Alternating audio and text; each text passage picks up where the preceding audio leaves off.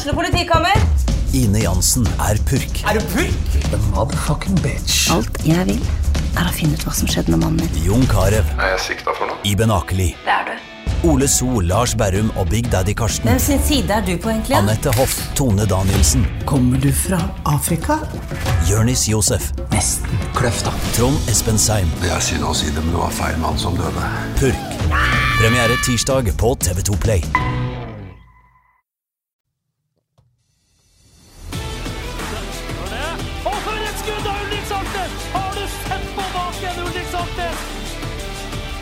Så er det skåring, og så skårer Bodø-Glimt.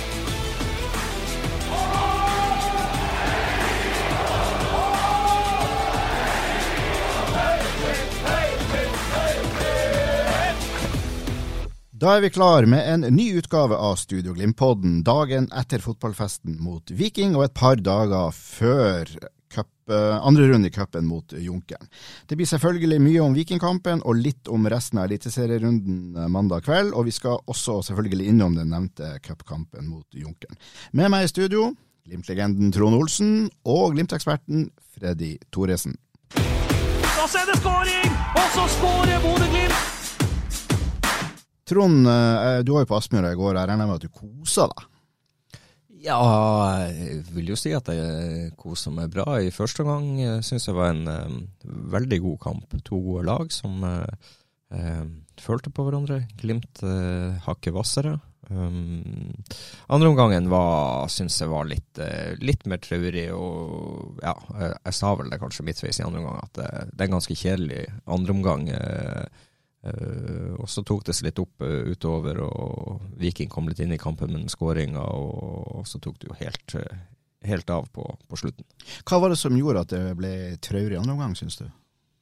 Nei, det Glimt hadde jo full kontroll, og det var litt slørv innimellom. Så det, det er litt som jeg har sagt, jeg, jeg føler Glimt har veldig god kontroll på kampene, men det er noe som lugger. Du du har spilt ganske mange dårlige førsteomganger og vært god i andreomgangene. I, I går syns jeg var litt motsatt. Du var god i første omgang, og den andre omgangen var ikke like god som førsteomgangen. Så det, det, er akkurat som at det er noen ting som, som lugger litt. Eh, og på en måte så er jo det veldig positivt, for du vet at du har mye å gå på. Og, ja, stort potensial. Og så er det jo litt kjedelig at det skal være sånn, eh, for du ønsker jo å se et lag som sprudler mer. og og, og, får ut mer av potensialet sitt enn det de akkurat gjør nå.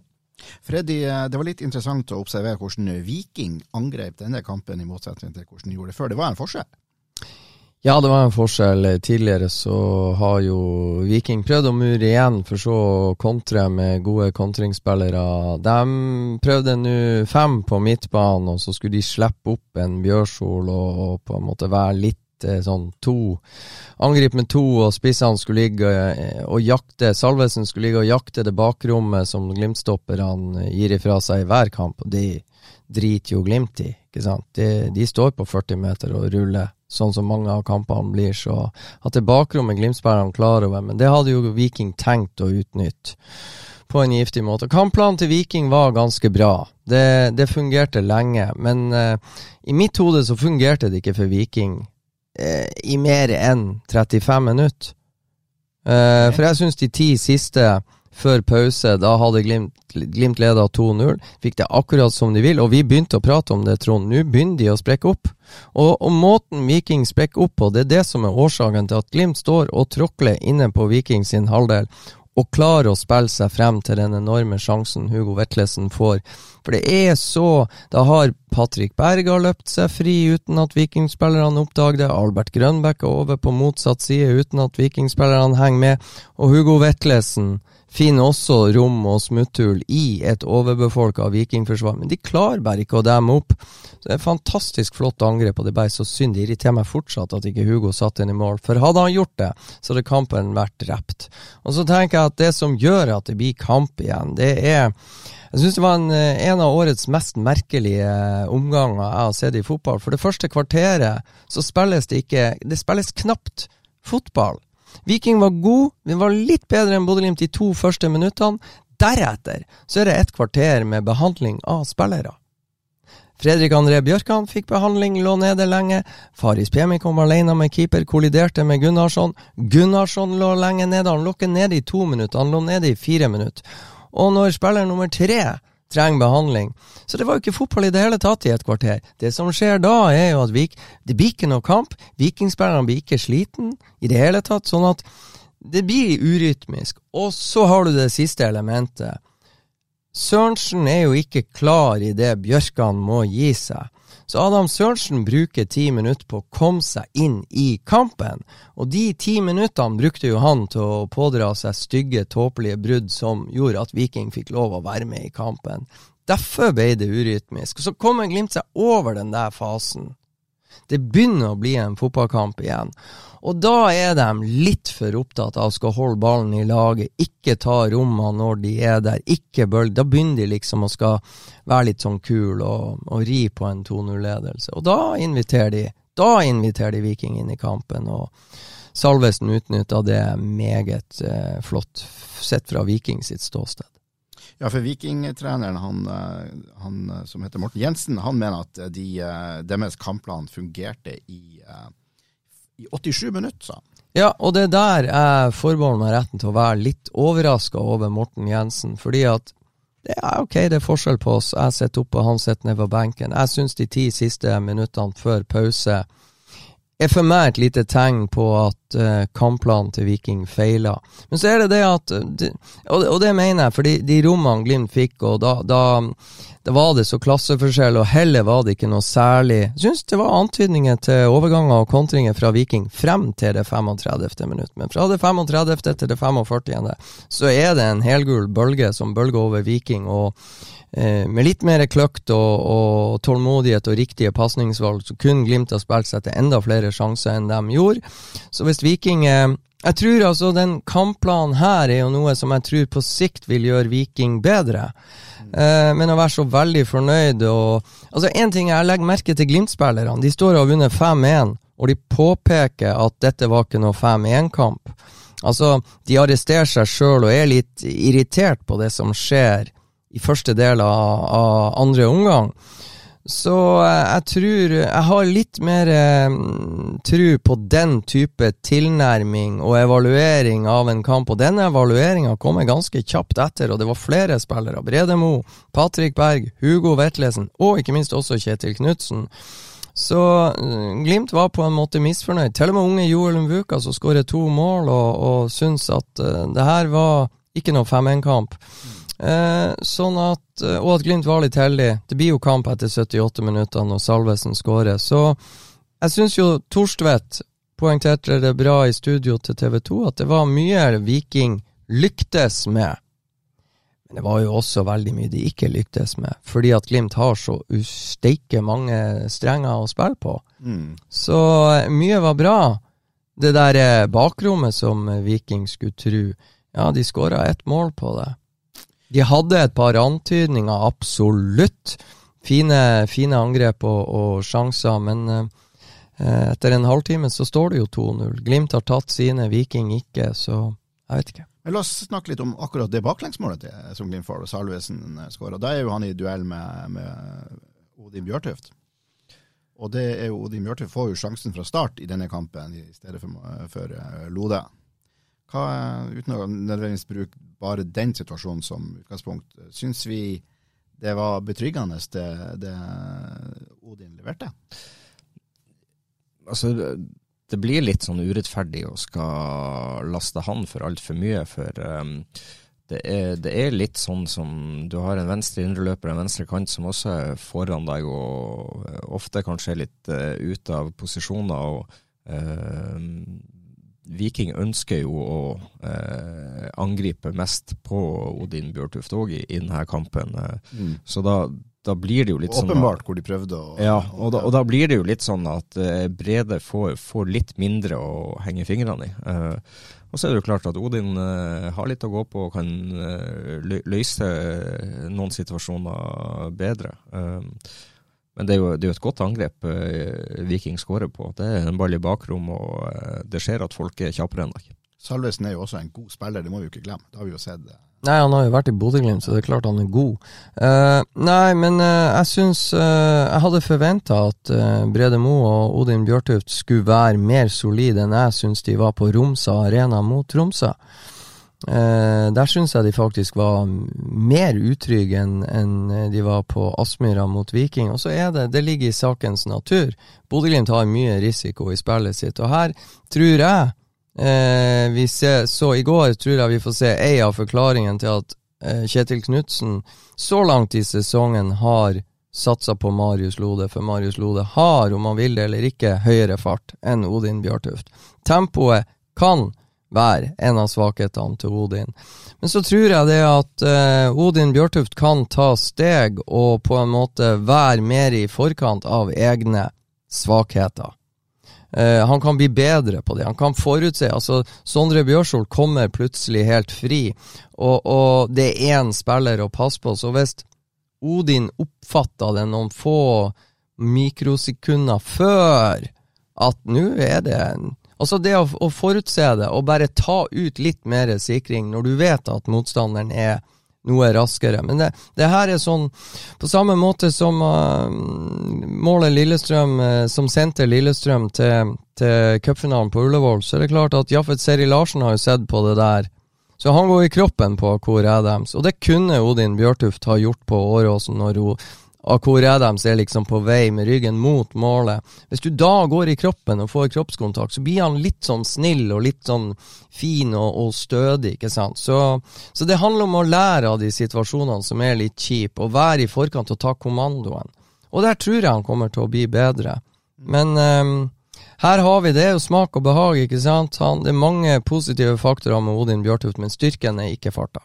Og så er det også selvfølgelig mange positive ting med altså, eller, Vi må jo måle de opp mot hverandre, men de har forskjellige kvaliteter. Ja. Lode og uh, Odin Bjørtuft. Og det må jo vurderes hvem er det de møter, og hvordan, uh, hvordan angrep, type angrepsspiller Jeg, jeg syns jo Odin har vært uh, veldig bra så langt i egen boks og beskytte egen boks. Og ja. det, det, skal han ha veldig honnør for. Og der der er jo ikke Lode sine styrker like gode, så det er jo, det er jo litt sånn hipp som haps i forhold til akkurat eh, hvem du velger fra kamp til kamp. Og så er det ikke sant, det som, som vi ofte ser, at Bodø-Glimt sine midtstoppere står 40 meter fra motstanders keeper og jakter rom. Og jakter egne indreløpere og midtbanespillere og skal sette i gang angrep. Det er klart, men det bakrommet de gir ifra seg, så eh, må du ta høyde for uh, løpskrafta og farta til de du har, ikke sant, og den der omstillinga. Der, eh, der balanserer Bodø-Glimt hårfint, men de har sluppet godt unna i flere år nå. Og det, ikke sant, det her var jo noe Bodø-Glimt begynte med. ikke sant, De fikk nye muligheter. Marius, eh, nei, Brede Moe og Martin Bjørnbakk var stoppere i, i 2018, og så selger de Bjørnbakk til til Molde, og med Lode og farta til, til Lode den gang, og Brede Mo, så løfta jo Bodø-Glimt laget sitt 15 meter høyere i banen, uten at de ble straffa så steike mye på det. Så um, ja. Sånn, og Brede har jo alltid vært raskere enn vi er klar over. Ja, Så kan du huske at når, eh, når uh, Glimt møtte Viking i cupen i år, så var det jo Lode som ble sprunget fra i et par dueller, og da var ikke han uh, helt Nei, da sprang, han, da sprang han med et spett i ræva. Ja, men igjen, ikke sant. Altså, det, det er noen kjappe spillere du møter òg. Det, det, skjer at uh, motstanderen er raskere enn deg. Ja, absolutt. Og det er da man må være flink til å være i forkant, og lese det litt kjappere. Patrick Berg er jo eh, Patrick Berg er ikke verdens raskeste spiller. Han er ikke verdens raskeste midtbanespiller, men det er jo en årsak til at alle andre baller detter ned i foten, føttene til Patrick Berg det er jo det at han tenker kjappere enn veldig, veldig mange. Og det å tenke kjapt, det er en stor fordel i fotball. Å ta, posisjonere deg, jukse og skanne. Hvor kan faren skje tre, fire, fem sekunder før faren oppstår, ikke sant? Opp, opp, eh, oppdag potensielle farer i forkant, og bare ha litt For det er risikofullt å stå på linje med Salvesen på midtstreken, det er jo det. I Bodø-Glimt sin egen eh, Etter kampen-podkast 433 så uh, var jo Brede Moe innom. og han, uh, Mens folk forlot stadion og var veldig godt fornøyd og følte at de hadde vært på en fotballfest, så sa jo han at han syntes andreomgangen var prega av lavt energinivå. At, at, det var liksom ikke den, det, det, det trøkket over Glimt i andreomgangen som han hadde sett. Nei, jeg det tror er var litt i tråd med den analysen du ga i sted. Jeg tror det er forklaringen. De spilte jo ikke fotball det første kvarteret. Det er hvor i svarte av Hvordan går det an å få energi og trøkk og, og det der på plass når du står og venter på at en spiller skal bli behandla? Det var jo ikke bare én, det var tre. Og det er klart, det, det er merkelig. Så jeg spurte han også om det i pressesona etter kampen, at hva Det der må dere jo tenke litt på hvordan dere kan løse bedre til neste gang det skjer. Og det var han jo Han smakte litt på den, for det Jeg har ikke sett en sånn omgang før i år. Hvert fall ikke med jeg så de Glimt. prøvde men De heiv ut på en ball, og de drev og slo litt ball seg imellom og prøvde Ja. å holde seg i bevegelse Ja. mens, eh, mens det medisinske apparatet holder på. Men eh, det er jo så Ja, jeg tror det er en, mer en mental greie at nå må vi virkelig være på hugget, for nå får vi ikke spille fotball. Det er, jo, det er jo en grunn til at Glimt tar alle frispark jækla kjapt, til at de tar eh, alle innkast jækla kjapt. De vil ha spillet i gang, men her var de jo ikke i stand til å få noe spill i gang det første kvarteret. Og da, da skjer det jo noe. Det, det er jo da en halvtime egentlig med stillstand, for de har jo sittet inne i pausen, og så kommer de ut, og så blir det et nytt kvarter. Det blir jo like voldsomt som egentlig ikke sant. Sondre Brunstad Fet kommer inn for å få spille ti minutter. Han spilte 20, for det ble ti minutter tilleggstid.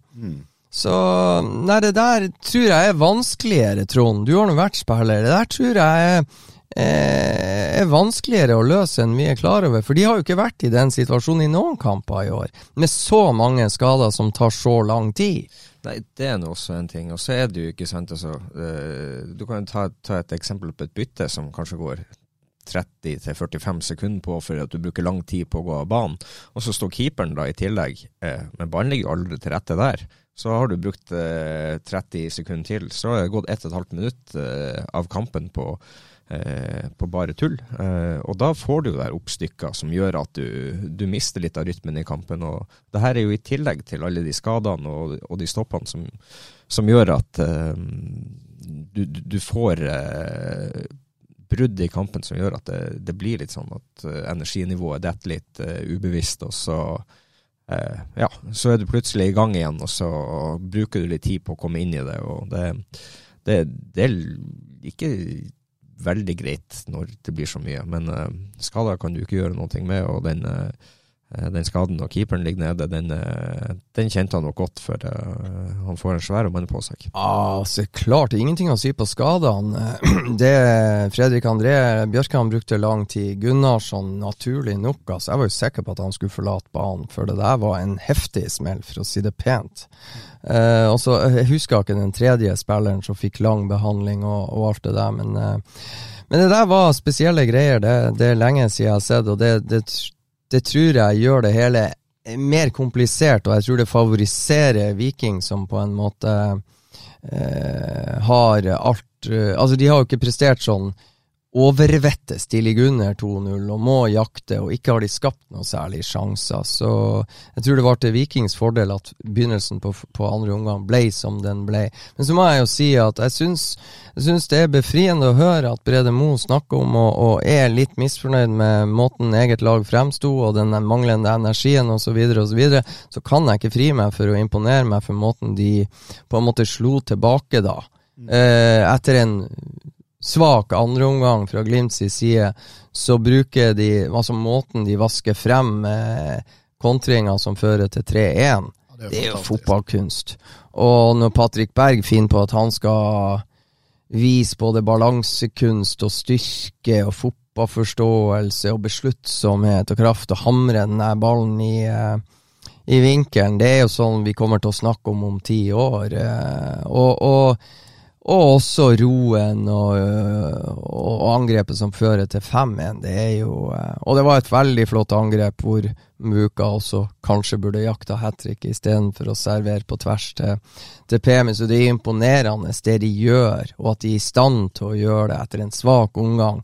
Så blir det liksom sånn at de sender 6633 nordlendinger eller fotballfans eh, hjem i ekstase, Ja, liksom. superblid, selvfølgelig.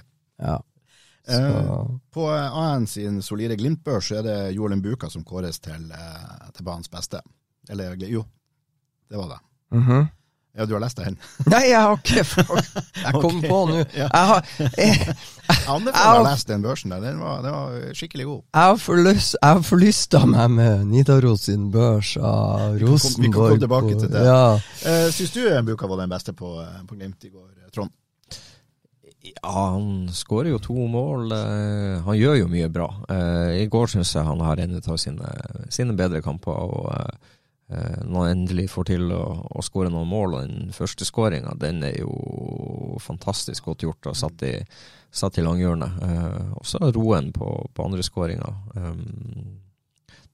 Burde jo ha satt den tredje, da. Altså, når, du, når, når, når, du endelig er der og har uh, muligheten til å, til å skåre hat trick, så, uh, så, ta den. Uh, jeg tror faktisk nesten det er vanskeligere å treffe på pasning enn å skåre der. Oh, såpass? Ja. ja. Men var det andre spillere du vil trekke frem? Jeg syns Bris leverte nok en god kamp. han, er en, han, er en, god fotballspiller når han eh, når han får det til å stemme, og ikke eh, gjør de her eh, hva skal jeg si, enkle pasningsfeilene som, som, har prega han litt i, i, i for, foregående kamper og sesongen for, ja, i fjor. Eh, eh, jeg syns han har veldig mye spennende eh, for seg, og når han spiller sånn som han gjør i går, så, så er han riktig, riktig bra. Jeg satt jo og tenkte at hvordan i all verden kan Omar se for seg å komme inn på dette laget så godt som Bris eh, gjorde det i går. Jeg syns han var helt fantastisk. Fredrik, hvor du er der i den vurderinga? Jo, jeg syns jeg er enig med Trond. Jeg syns eh, det som var så fint eh, i i går med Bris Wembangomo, det er jo det, og det at jeg syns det er pottetett på, på høyresida. Alle dueller som er litt skumle eh, defensivt, de vinner han. Han har stålkontroll. Det er nesten sånn at jeg sitter med en sånn følelse at de motstanderne han har, de gidder ikke å prøve. Det må være jævla deilig å være spiller og føle det.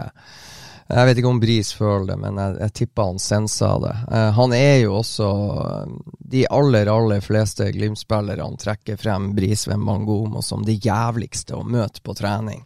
Og Det er mange som er ille å møte på trening. Mo Trond Olsen i, i, gode, i egne glansdager Det var en av grunnene til at han var så steike god i kamp, ofte. Og at det var mye lettere for han i kamp, for da slapp han å spille mot Monir Hamoud som jo da er like rask som Trond, og kanskje litt sterkere, men han, han vet jo hva Trond skal gjøre, og kan være, så det er plagsomt for Trond Olsen å være på trening mot en sånn en, og så blir det mye lettere i kamp, ikke sant, når de ikke kjenner han så godt. Så Bris syns jeg var god. Jeg syns òg måten, timinga hans i det han drar med seg og skaper diverse overtall, og det kan han gjøre enda mer, og det kommer til å komme. Jeg syns han balanserte det der risiko og, og safehet veldig smart. Og så er det en av de bedre kampene jeg har sett Patrick Berg i, i, i år. Jeg syns han var veldig mye involvert. Jeg syns vikingspillerne sleit med å plukke han opp. Og jeg syns han kunne diktere spillet og finne åpningene oftere enn han jeg har sett i, i enkelte kamper. Så jeg likte veldig godt. Og det, det her syns jeg før han da velger å dra frem den der skåringa. Så jeg likte det jeg så av Patrick også før skåringa. Fikk eh, midtbanen til Glimt, altså Patrick, Hugo, Albert, fikk de ekstra mye plass til den gangen? Jeg har inntrykk av at det, det var rom rundt de hele tida. Ja, det her er et vikinglag da, som i utgangsposisjon. Det er etter 35 minutter. Det her er eksempelet til Erik Thorstvedt på TV 2.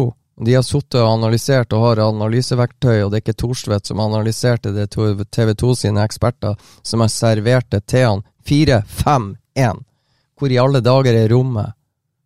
Hvor er rommet? Ja, men de fant det. 4-5-1. Og eh, det er, det er ganske overbefolka, det. Men de skulle på en måte være eh, disiplinert og jakte bevisste kontringsrom og kontringsvinkler og soner, da. Men eh, med 4-5-1 så er jeg enig med deg. De fant rom, men jeg tror det er fordi at Bodø-Glimt begynner å bli Bodø-Glimt sin midtbane begynner å bli eh, forberedt på det her. De begynner å spille seg i form, Hugo Vetlesen, Albert Grønbæk. Jeg tror de kommer til å bli enda bedre. Hugo er jo enda ikke på det nivået han var i fjor, men han viste glimtvis. Eh, heldigvis. Og, og de, eh, de, vet hva som møter dem, og de vet hvilke rom de bør oppsøke, og de finner dem stadig oftere.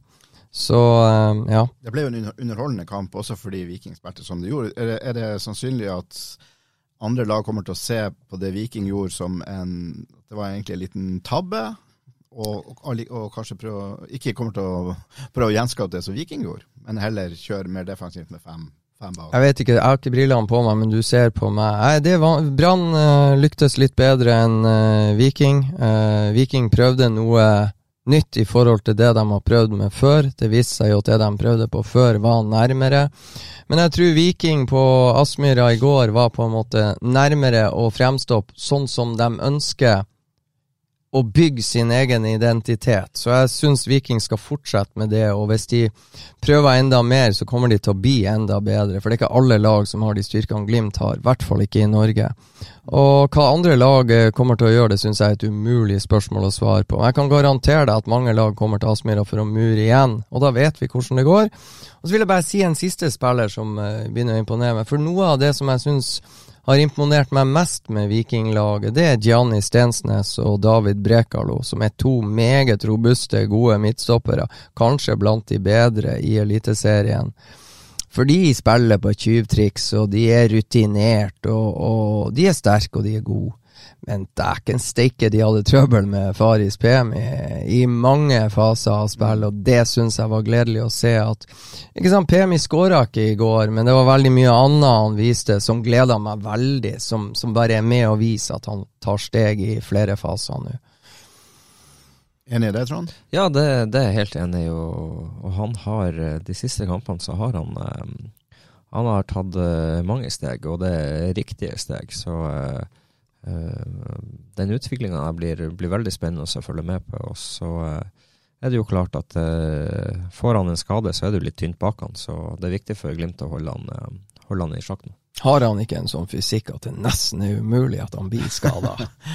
Men jeg syns han fikk, som vanlig, det er mulig det var et inntrykk jeg fikk, at han, han fikk dårlig betalt hos dommeren. Jeg synes at han, nesten, han bare vrikka på rumpa, så spratt det en vikingstopper unna, og der var det frispark til de. Jeg synes det, det, der irriterer meg litt, grann, altså, at han er så sterk at han får nesten på autopilot og dømmes til frispark mot han.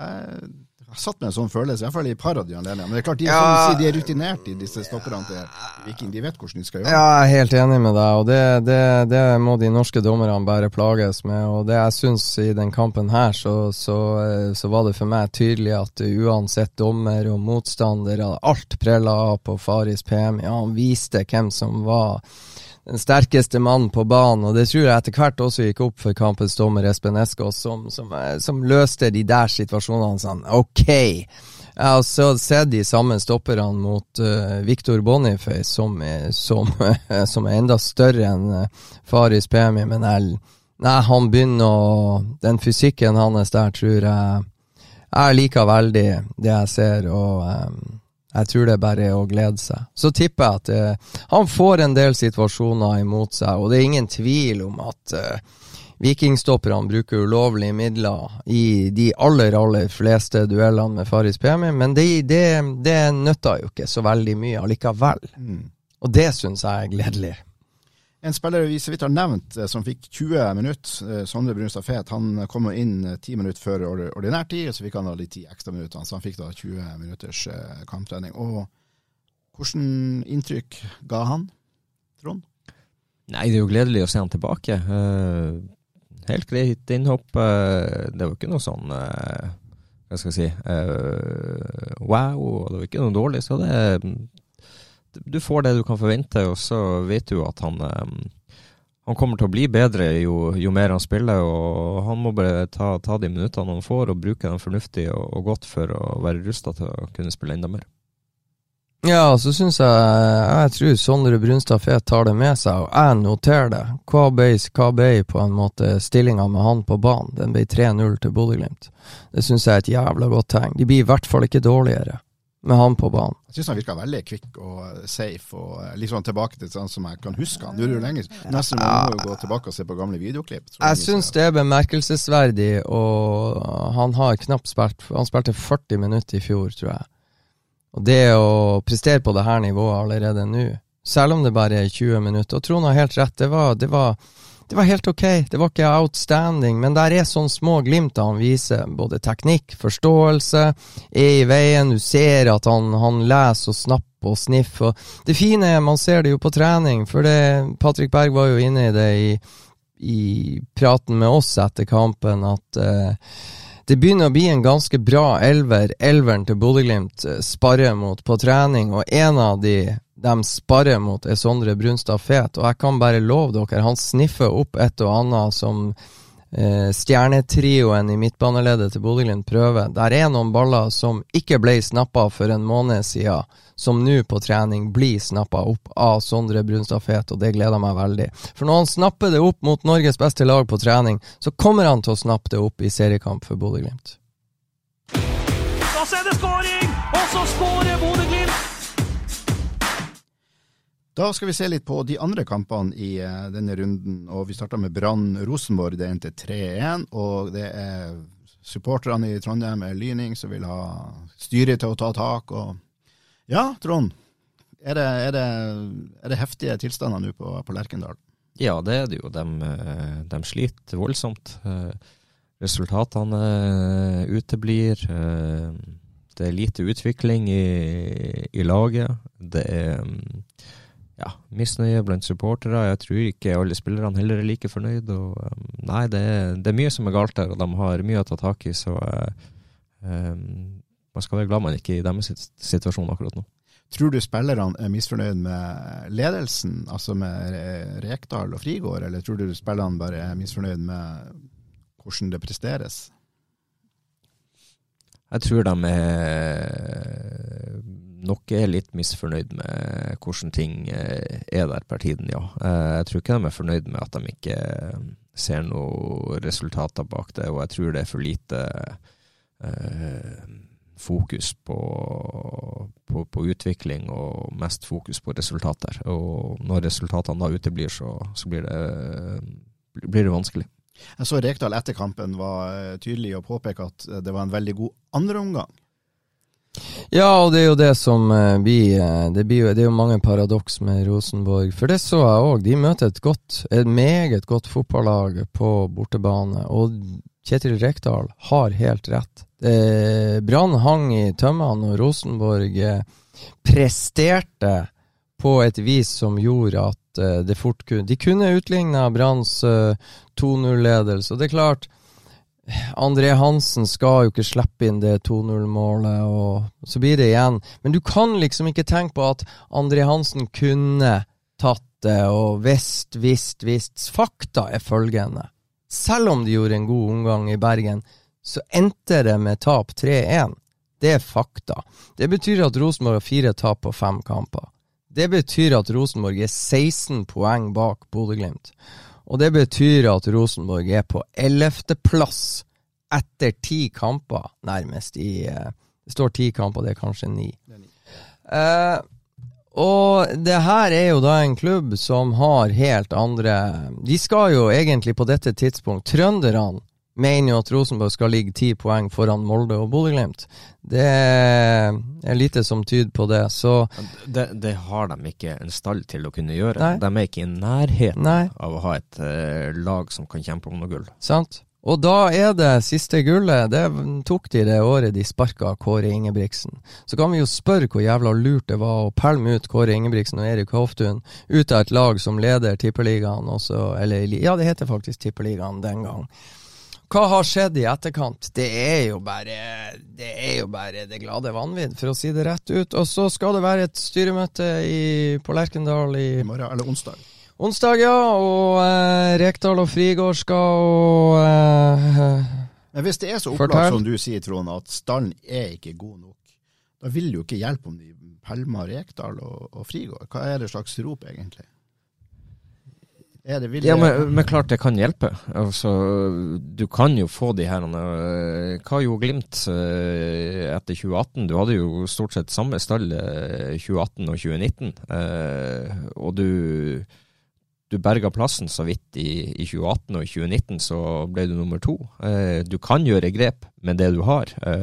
Men da må du jo også ha, ha en rød tråd gjennom det treningsuken. Du må finne veien å gå for å for å skape resultater og, og, og, utvikling. Og så må du bare stikke fingeren i jorda og si at ok, i år sesongen er ødelagt. Vi er nødt til å begynne å bygge stein på stein her og, og ta grep og, og være bedre rusta inn mot uh, 2024. Og da, um, da, må de begynne å finne de typene og de spillerne de trenger. og ja, Men må de, først, må de, ikke først, finne en spillestil? Jeg vet jo ikke, så- altså Kjetil Rekdal stiller med forskjellig lag, forskjellig taktikk til hver eneste, eneste kamp. Det, og det, jo, det spilles jo på forskjellige måter. Ja, det er jo det jeg sier. Det er, det, er jo, det er jo kun fokus på resultat, og ikke utvikling. Og da, og da legger du om etter motstanderne og alt. Da, da er ikke du eh, så veldig interessert i å eh, tenke langsiktig. Du tenker kun eh, førstkommende kamp og resultat. Vil de anbefaling til Rosenborg-styret i morgen være at de bør kvitte seg med Rekdal og eh, Frigård? Nei, hvorfor skal vi gjøre det? De ligger jo der de ligger. Så, så fra et Glimt-perspektiv så er det helt ok? Ja, det er det jo. Eh, men men jeg, jeg sa det jo her for, ja, forrige gang, så sier jeg eh, det beste som er for norsk fotball, det er at du har flere lag som er jevngode, og så får det beste laget vinne til slutt, og det må jo være Glimt, da. Eh, Men at du skal vinne serien med 18 poeng, det, det er ikke det som er det mest eh, og det beste for Glimt på lang sikt. Nei. Eh, men får du dem eh, eh, flere tette og jevne og tøffe kamper, så tror jeg du tar det med deg ut når vi skal i Europa òg, og det, det tror jeg er det, det beste. Ok, vi går videre hvis ikke du, Freddy, vil si noe Nei, jeg tror styret Jeg hører rykter om at det er et delt styre, og så er det jo interessant å finne ut uh, hvordan vipper det stu- styrer sine stemmer og talspersoner. Men det, det er fascinerende. Er bare litt til med Rosenborg. Altså, Kjetil Rekdal og Geir Frigård de har jo henta 11-12-13 spillere, ikke sant. Så det er de som har henta spillere. Men det er jo da en sportslig leder som sitter i lag med Mikke Dorsin, og hvor er han? Hvor har han vært? Jeg er helt enig. Kjetil Rekdal står jo helt alene om å svare og forsvare, og det gjør han jo på en imponerende måte, spør du meg. Men, men de har nå valgt å hente de spillerne de har henta. Og så er det én de har truffet med, og han har dem allerede solgt, ikke sant. For 100 millioner. Så de har henta tre-fire nye spisser, ikke sant. Så nei, der, der er det en jobb å gjøre. Så ser jeg Kjernen vil ha Svein Målen. Ja vel. Ok. Jeg, Erik Horneland sitt navn var ikke sterkt nok for Rosenborg og Trondheim. Jeg sier lykke til, Svein Målen. Ok, da setter vi foreløpig strek for Brann Rosenborg. Og så var den neste kampen her, det er Haugesund-Tromsø. Og for de av våre lyttere som ønsker seg Tromsø i nedrykk, det, det ser ikke ut til å gå den veien i alle fall. Det er jo imponerende det Tromsø får til. Ja, det må må vi da. si. Ja. Det må vi si. Og så nok en gang så, så har de et sterkt eh, borteresultat, og skårer vel på, på to cornerer, hvis jeg ikke husker helt feil. Det er helt rett. Ja, så- Jostein Gundersen, Anders Jensen. Jeg, jeg, jeg tippa Anders Jensen før navnet kom opp, husker du det? Ja, det stemmer det. Ja. Så nei da, det, mm, det er imponerende det de eh, får til, og, og det er jo veldig gledelig for eh, nordnorsk eh, fotball at vi har to topplag i Nord-Norge per tiden. Det har vi. Ja, ja, det gleder ikke meg, men uh, det som jeg syns er sterkt altså det, som, det er en del pussige ting i fotball. Og det ene pussigheta er når Stabæk møter Tromsø på Nadderud, så vinner egentlig alltid Tromsø. Det er bare å gå og se. Ja. Hvis dere ikke tror meg. Stabæk, Tromsø, Nadderud. Uansett hvor de ligger på tabellen, så vinner Tromsø. Eller gjør det mye bedre enn man trodde. Det merkelige her er at Haugesund-Tromsø, så vinner alltid Haugesund. Så det har vært en sånn der Åråsen-bane. Sånn Åråsen har vært for Bodø-Glimt, det, det er Haugesund stadion for Tromsø. Og det gjør det jo enda sterkere at eh, det unge Tromsø-mannskapet faktisk reiser til Haugesund og vinner 2-1. Ja, Tromsø har marginene eh, på sin side. Skårer på to eh, cornerer. Det er lov.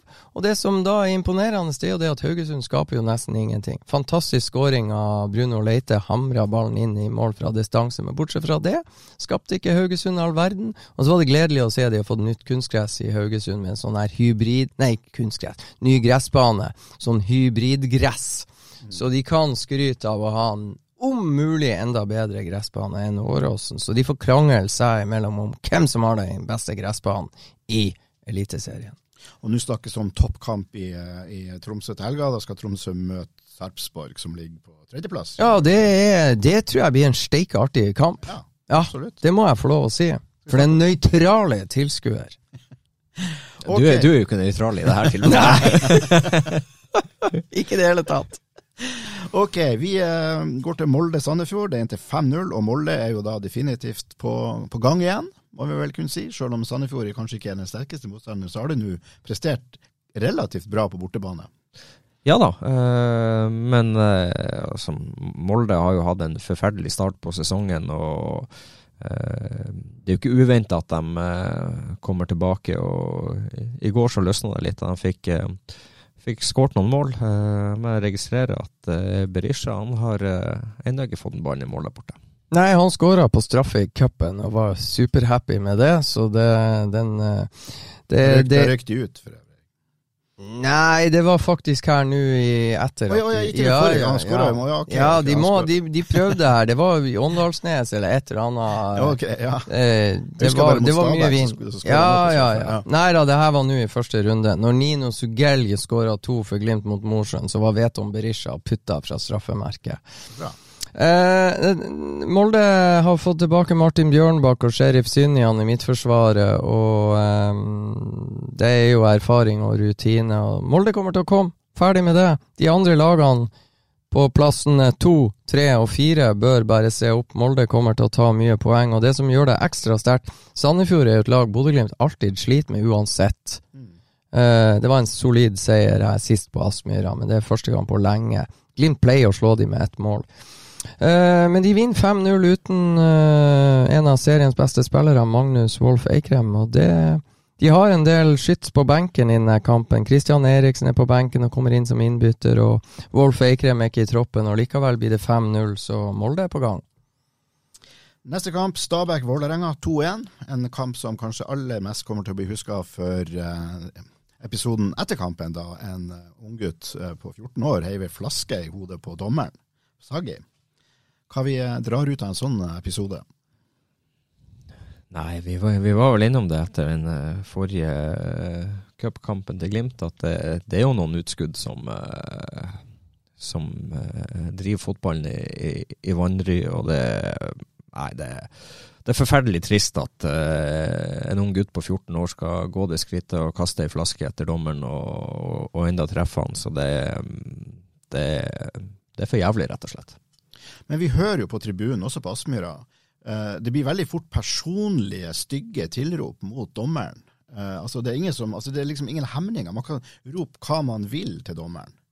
Eh, og det er stygt. og dommeren kan selvfølgelig ha feil, og han provoserer og alt det der. Men gir ikke det et sånt, gir man ikke da nærmest sånn, sånn tillatelse til at vi kan oppføre oss hvordan vi vil mot de, der, mot de, de som leder kampene? Ja, det er jo litt sånn. Altså, det Det, det, det er lett å, å finne, en syndebukk og noen å skylde på. Ja, eh, hvis du ikke får det frisparket, så, så er det nesten sånn at det er lov til å si hva man vil. og det, det er jo et problem i forhold til re rekruttering av nye dommere. og eh, ja, Man har jo vært i situasjoner der man har eh, slengt med, med, med leppa til dommeren sjøl. eh, Man bør kanskje være litt mer bevisst på eh, hvordan man eh, opptrer. og og man har et ansvar overfor eh, både de ungene og alt som er, er på kamp, og, og gå foran som et godt eksempel. Ja. Jeg har aldri vært glad i Rohit Sagi, men jeg syns jo absolutt ikke han fortjener det der der. Det skal jeg være den første til å innrømme. Jeg syns det, det der er Det å gå det, Altså, det jeg vet ikke hvilke ord jeg skal bruke, men en dommer som har eh, gjort jobben sin i Eliteserien, så står det en 14-åring og perler med ei flaske etter han. Altså, eh, til Åråsen, Bodø-Glimt vant 4-1, så driver de og kaster eh, pengebøker og, og andre ting etter, etter Glimt-spillerne. Det der å kaste fra tribunen, det må man jo bare kutte ut. Bodø-Glimt fikk bot på 200 000 fordi at man kasta massevis av ølglass og fanteri ut i Poznan og det, det men, men det er jo um, Han 14-åringen har jo sett hva voksne gjør på kamp, og så tillater han seg. Så her må jo de som er, har hodet skrudd på rett plass, eh, skjønne hvilken sånn der oppdragende effekt man har hvis man står og er apekatt eh, på tribunen. Og jeg må bare si, det er ikke bare på Aspmyra det er ukvemsord. Det er heftige ukvemsord på Åråsen. Det er Nadderud er en av de verste plassene jeg har vært. Og måten samehets og nordlendinger osv. osv. Det er rett og slett usmakelig. Så, eh, så ikke sant, det er større problemer i Sverige og, og, og der. Men, men jeg mener det er viktig å ta det ved rota, sånn at ikke dette får lov å eskalere. For uh, Rohit Saggi fortjener ikke å få ei flaske i hodet uansett om man dømmer Glimt eller andre eller hva. Ingen dommere fortjener det. Så det der må man luke bort. og hvordan man skal gjøre det. Man må faktisk sette fokus på det. Det at Rohit Saggi stiller opp i media og snakker om det osv., at det blir diskutert og debattert, det tror jeg er steike viktig. For det der må bort. Det, og det bør være nulltoleranse.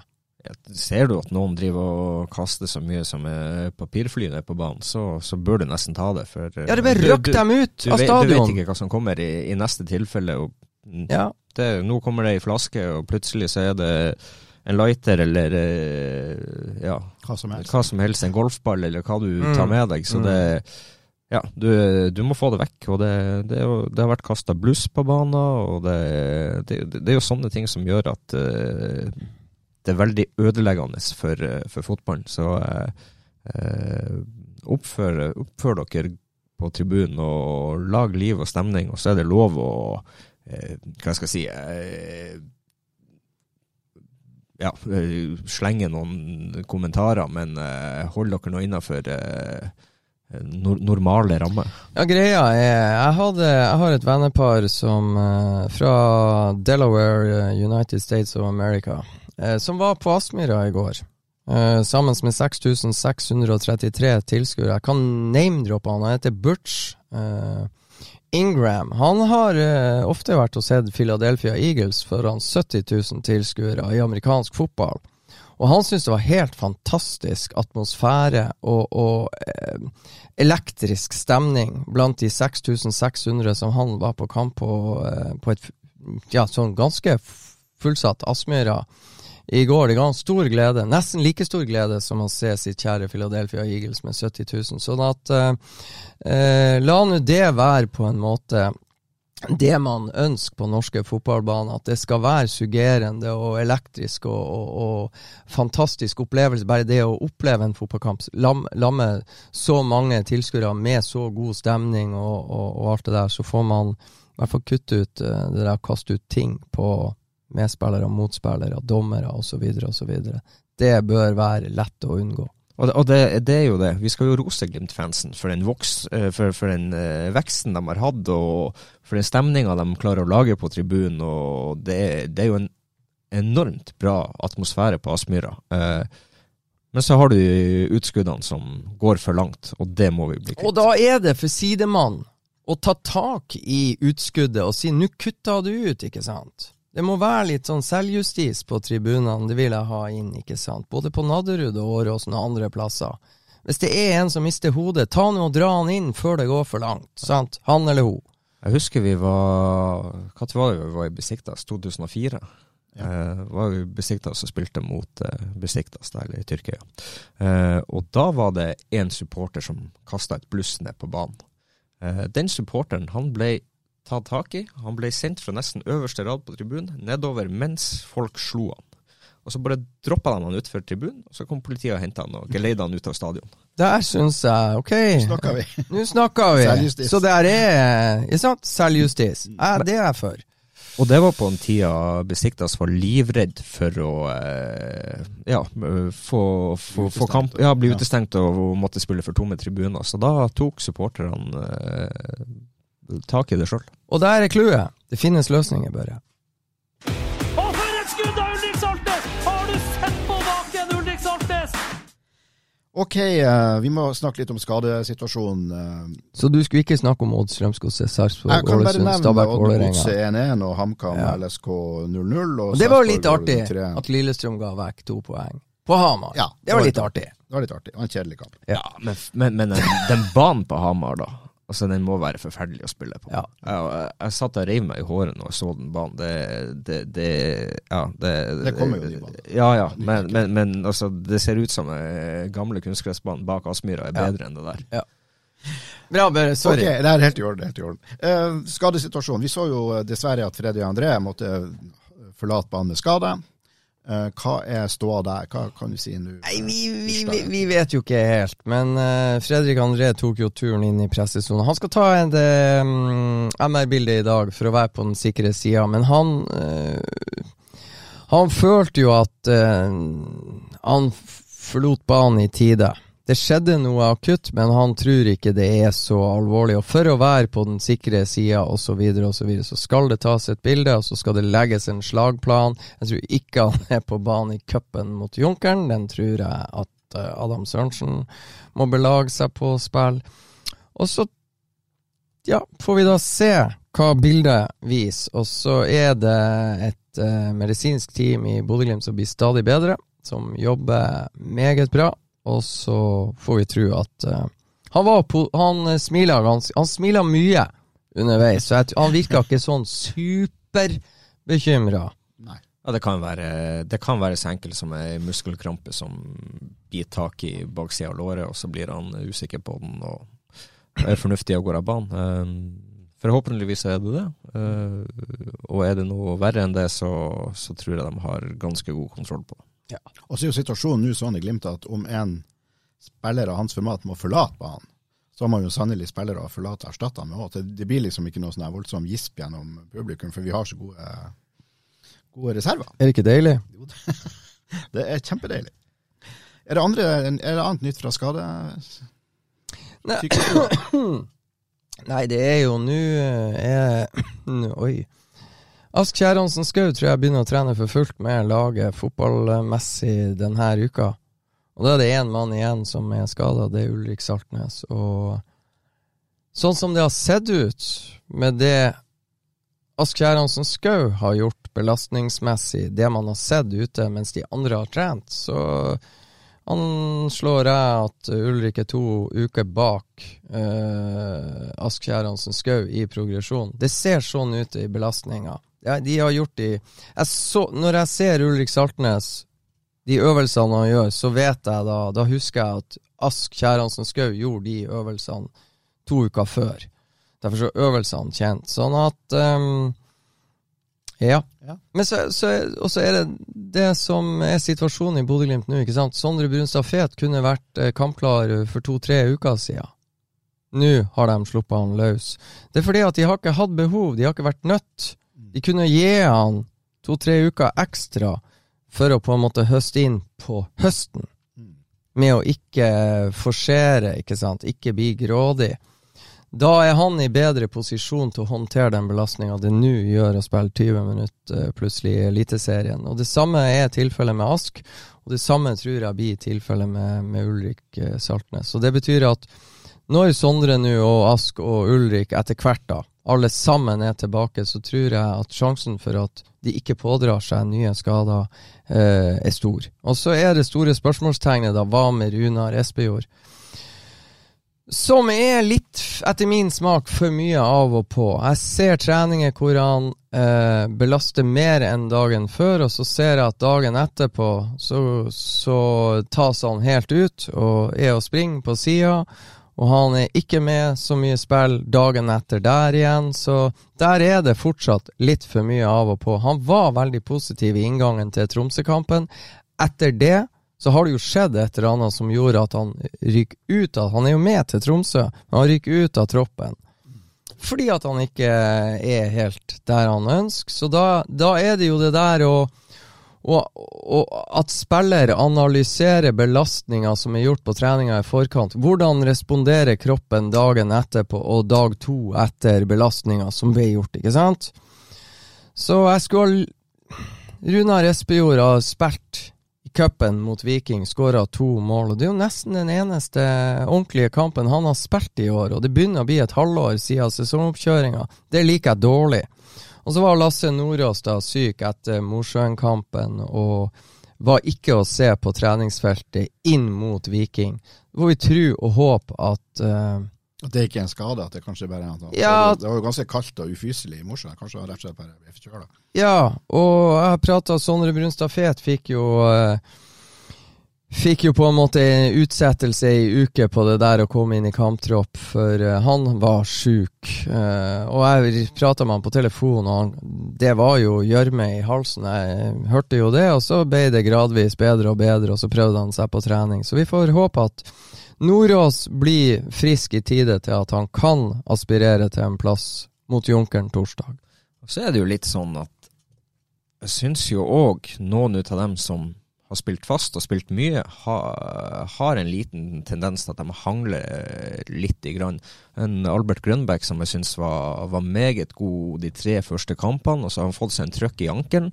Og så er han ikke helt der nå. Det, han gjør mye bra, men det er enda eh, kanskje 10-15 før han enda er på, på topp eh, ut av det han kan. Eh, så kanskje han skulle hatt seg en liten pause, fått orden på den ankelen og, uh, og kommet inn og vært eh, knallgod igjen. For ja, jeg syns det er litt sånn en, bekymringsverdig når jeg, når jeg ser han. Det, det, er ofte at han sitter nede i kampene og holder seg til ankelen og, og, og, viser at han har et eller annet som plager han.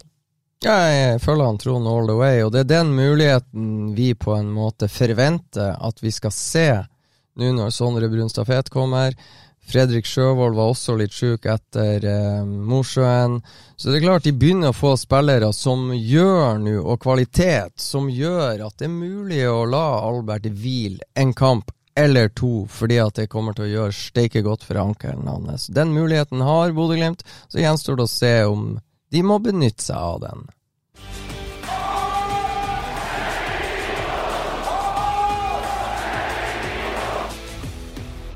Vi skal avslutte med noen eh, ord om cupkampen på torsdag i Nordlandshallen. Junkeren mot Bodø-Glimt. En kamp du eh, eh ser på an.no og på Direktesport. Det er vi som har, eh, viser den kampen.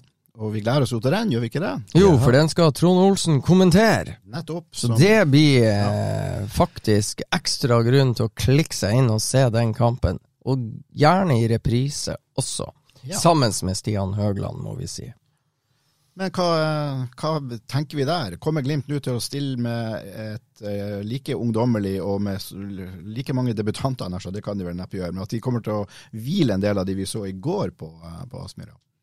Ja, det kommer nok til å skje. Jeg ser nå for meg at Marius Lode kommer til å starte den kampen. Um, ikke utenkelig at Omar kanskje går inn og spiller den. Um, ja, så er det vel eh, Albert bør eh, hvile. Yes. Ja. ja, det har vi vært innom. Ja, absolutt. Så det Ja, eh, det er vel litt, litt bytte. Keeperbytte, regner jeg med. Faye, Faye Lund i mål. Har du ja. laget? Nei, men altså, det, det kan være Faye Lund i mål, Omar El Abdelaue eller Morten Ågnes Konradsen på høyre back, alt etter hvordan Glimt sitt medisinske apparat og Omar tenker om belastninga for hans del inne i Nordlandshallen. Ja, på en tørr bane, må vi ja. si.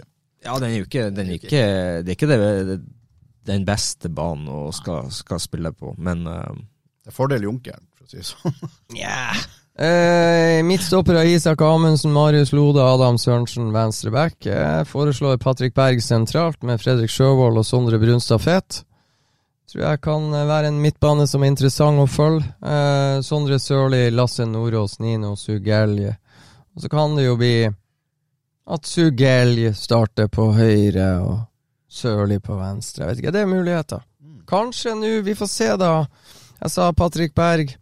Ask Kjærhansen Skau eh, prata jeg med før eh, eh, Etter siste trening før Viking. Det betyr at det var på søndag, det. Og han skal som sagt trene fotball for fullt. Jeg vet ikke om det er for tidlig å hive han inn på sentral midtbane eh, torsdag mot eh, Junkeren, men det kan være i spill. Men Junkeren er et vesentlig bedre lag enn Mosjøen. Ja. Må vi jo bare kunne slå fast. Oh, ja. Det er et sterkt lag. Uh, ja, sterkt. 3-3 eh, borte mot Bærum. Det Jeg har vært og sett Bærum slå Bodø-Glimt 3-2 i opprykkssesongen 1992. Kanskje Bærum var bedre da enn de er nå. litt vanskelig å sammenligne. Ja. Men det jeg vil frem til, det er at Glimt eh, de, de får stadig tøffere motstand, selvfølgelig, oppe i cuprundene. Men Junkelen skal være bare a walk in the park, Trond. Nei, det skal vi ikke si, fordi at uh, vi, har, vi, vi, har, sett uh, dårligere lag enn Junkeren uh, sende ut eliteserielag. Så det Du må opptre profesjonelt, du må være godt forberedt til den kampen, og du må være på stasjon når, når kampen settes i gang. Og så forventer jeg at Glimt tar den profesjonelt og, og, får en solid og god gjennomføring og kontrollerer den kampen. Og så kan fort uh, Junkeren overraske med, med noe faenskap. For de, de, hva Glimt er god på, men uh, de skal, skal, ikke være gode nok til å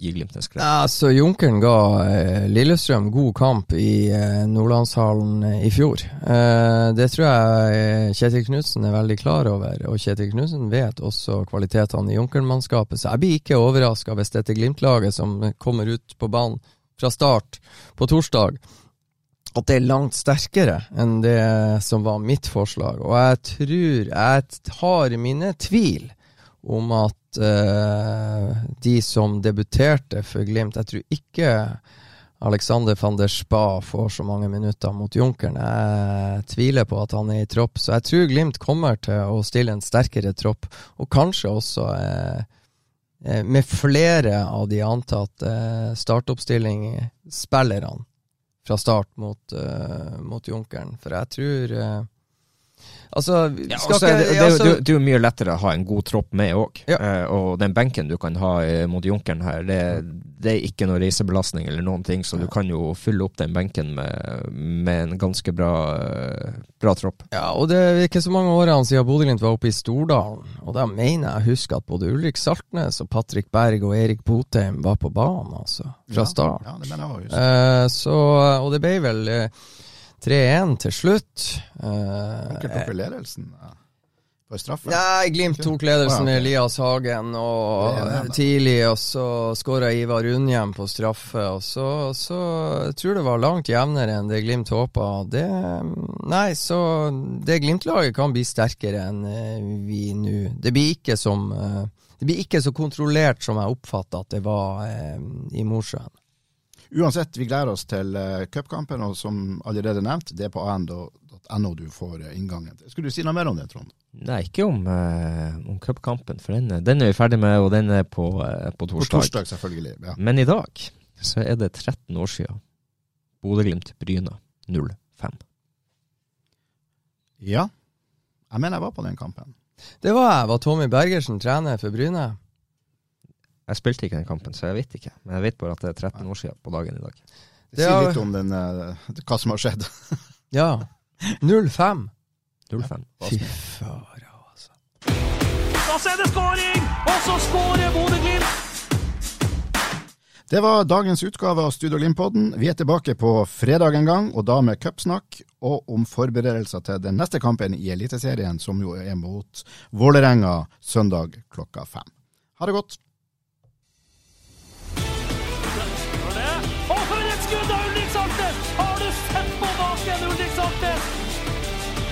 Da er det skåring, og så skårer Bodø-Glimt!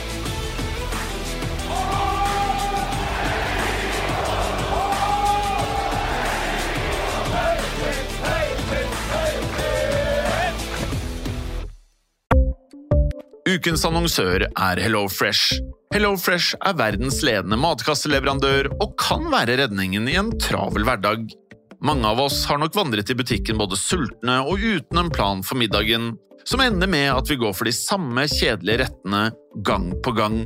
Middag burde være dagens høydepunkt. Som HelloFresh kan du nå velge mellom 25 ulike retter hver eneste uke, eller få HelloFresh til å sette sammen menyen for deg. Dette gir deg muligheten til å prøve nye og spennende retter alene eller sammen med familien. Du velger antall porsjoner og får alt levert på døren på et tidspunkt som passer for deg. Oppskriftene er enkle, og maten er lett å lage både for store og for små. Ved å få alt levert hjem får du også mer tid til å dele matgleden med familie og venner. Kanskje det frister med asiatiske tacos eller greskinspirert kylling? Da kan jeg anbefale deg om å gå inn på hellofresh.no. Her kan du bruke koden FOTBALL og få opptil 1779 kroner i rabatt på de første fem matkastene hvis du ikke har prøvd Hello Fresh tidligere. Du kan også bruke rabatten hvis du har vært kunde og stoppet abonnementet ditt for tolv måneder siden eller lengre. Gå inn på hellofresh.no og bruk koden FOTBALL. Har du et enkeltpersonforetak eller en liten bedrift? Da er du sikkert lei av å høre meg snakke om hvor enkelt det er med kvitteringer og bilag i fiken, så vi eh, gir oss her, vi. Fordi vi liker enkelt. Fiken superenkelt regnskap.